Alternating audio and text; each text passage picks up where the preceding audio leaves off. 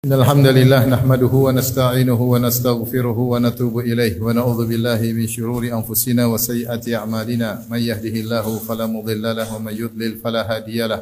وأشهد أن لا إله إلا الله وحده لا شريك له. وأشهد أن محمدا عبده ورسوله لا نبي بعده. يا أيها الذين آمنوا اتقوا الله حق تقاته ولا تموتن إلا وأنتم مسلمون.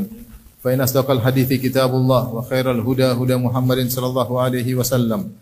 وشر الأمور محدثاتها وكل محدثة بدعة وكل بدعة ضلالة وكل ضلالة في النار معاشر المسلمين أوصيكم ونفسي بتقوى الله فقد فاز المتقون Allah Subhanahu wa taala berfirman wa rabbuka yakhluqu ma yasha'u wa yakhtar dan Rabbmu lah yang telah menciptakan apa yang dia kehendaki dan memilih apa yang dia kehendaki di antara yang dipilih oleh Allah Subhanahu wa taala waktu-waktu yang mulia dan tempat-tempat yang mulia sesuai dengan hikmahnya.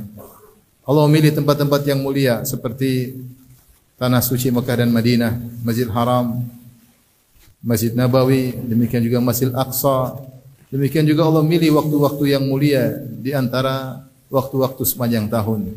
Ada di antaranya seperti bulan Ramadan terkhususkan 10 hari terakhir dan juga waktu-waktu yang lain yang spesial di antaranya adalah bulan Dhul Hijjah. Sebagaimana kita ketahui bulan Dhul Hijjah adalah termasuk dari Ashurul Hurum, empat bulan haram.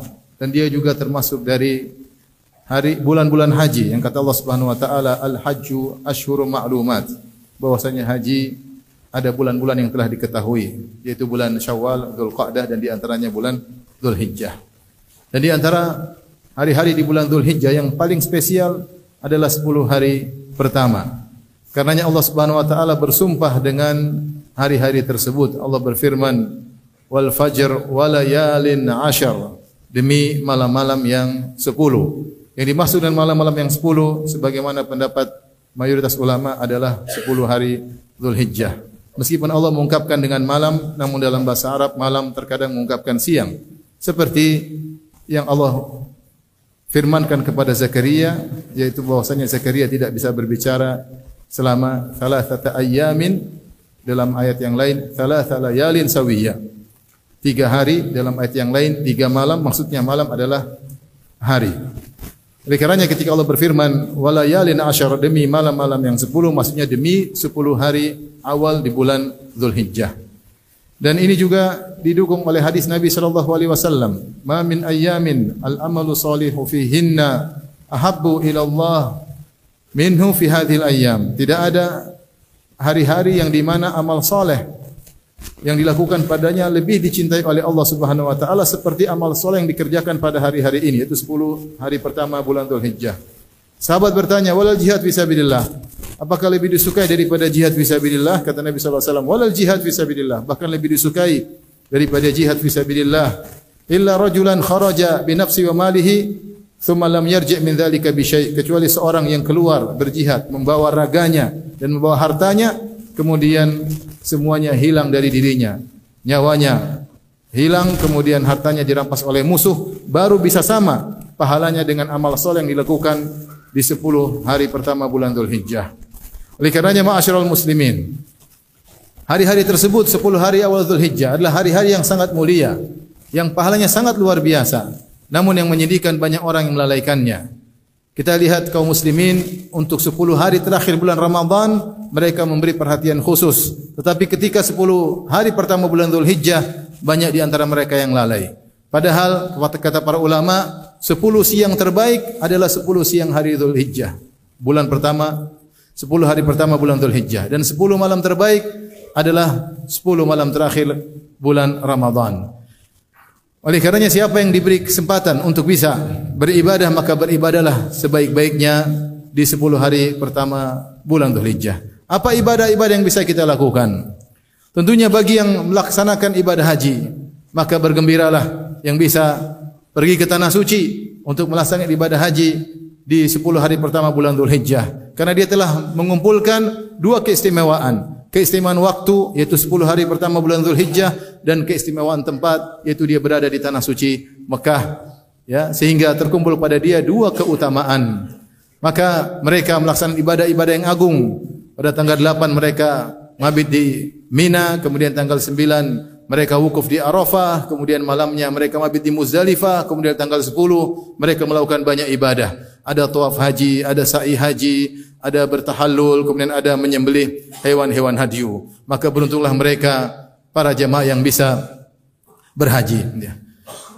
Kemudian bagaimana Allah istimewakan tanggal 9 Zulhijjah yang hari Arafah. Kata Allah Subhanahu wa taala wa syafi'i wal watr sebagian ulama menafsirkan wal watr demi yang ganjil maksudnya adalah tanggal 9 Zulhijjah.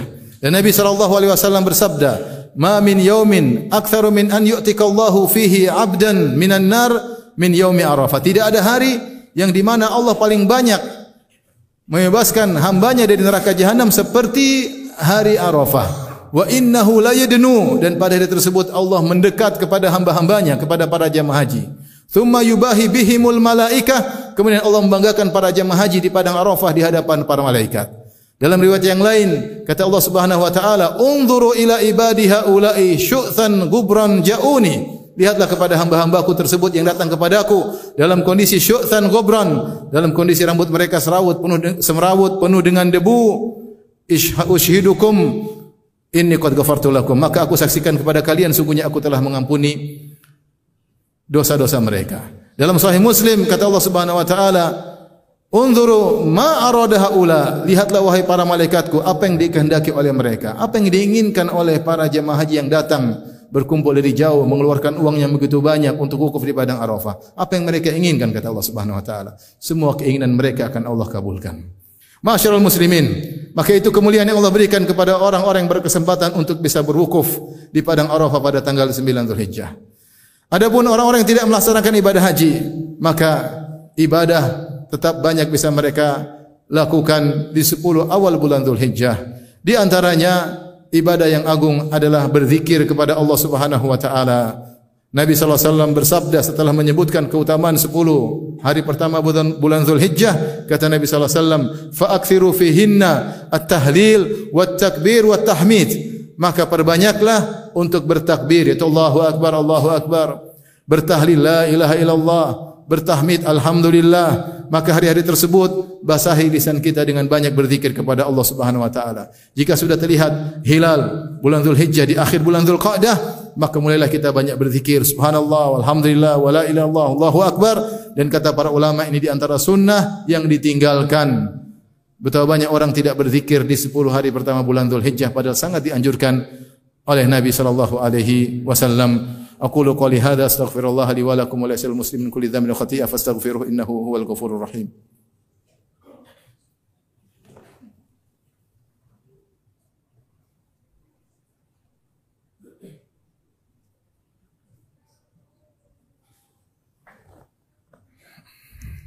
Alhamdulillahi ala على wa syukru lahu ala taufiqihi wa amtinani wa ashhadu an la ilaha illallah wahdahu la syarika lahu ta'ziman li sya'nih wa ashhadu anna Muhammadan abduhu wa rasuluh da'ila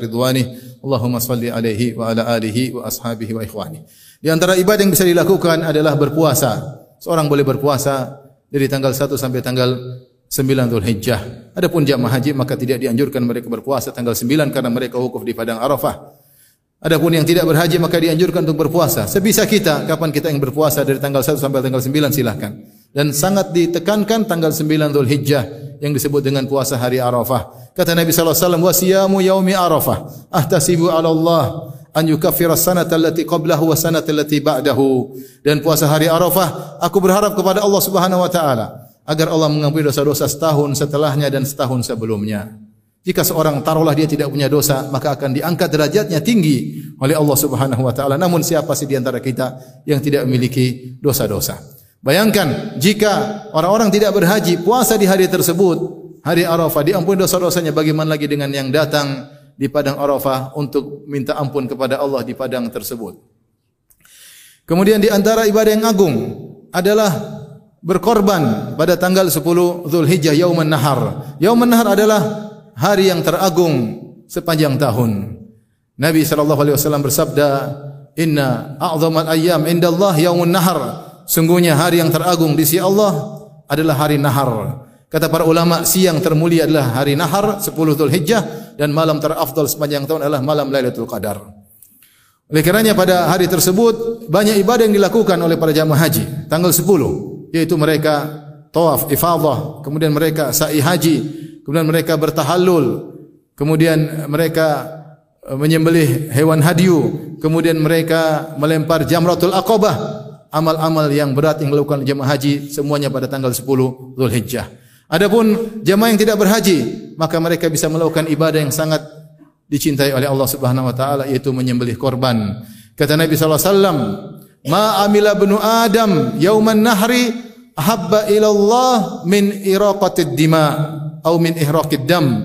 Kata Nabi sallallahu alaihi wasallam, tidak ada amalan yang dilakukan anak Adam pada tanggal 10 Zulhijjah, Yaumun Nahar, yang paling dicintai oleh Allah seperti menyembelih hewan korban. Oleh karenanya siapa yang memiliki kelapangan, hendaknya dia menyembelih hewan korban, beribadah, berkorban untuk Allah Subhanahu wa taala, menyembelih untuk Allah Subhanahu wa taala sebagai syiar tauhid kepada Allah Subhanahu wa taala.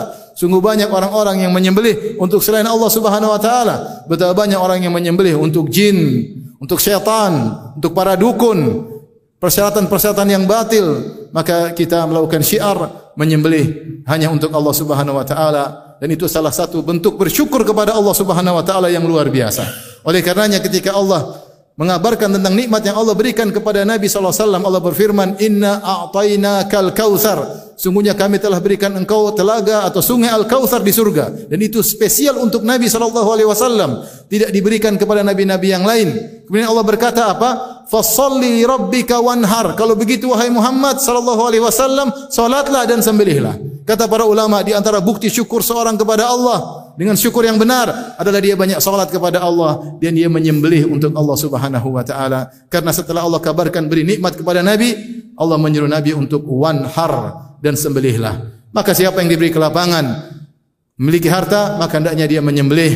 Kalau dia mampu menyembelih sendirian silakan, kalau tidak mampu dia bisa bergabung dengan bertuju untuk menyembelih onta atau untuk menyembelih sapi dan semoga Allah mudahkan kita semua untuk bisa menjalankan ibadah kepada Allah Subhanahu wa taala di hari-hari tersebut.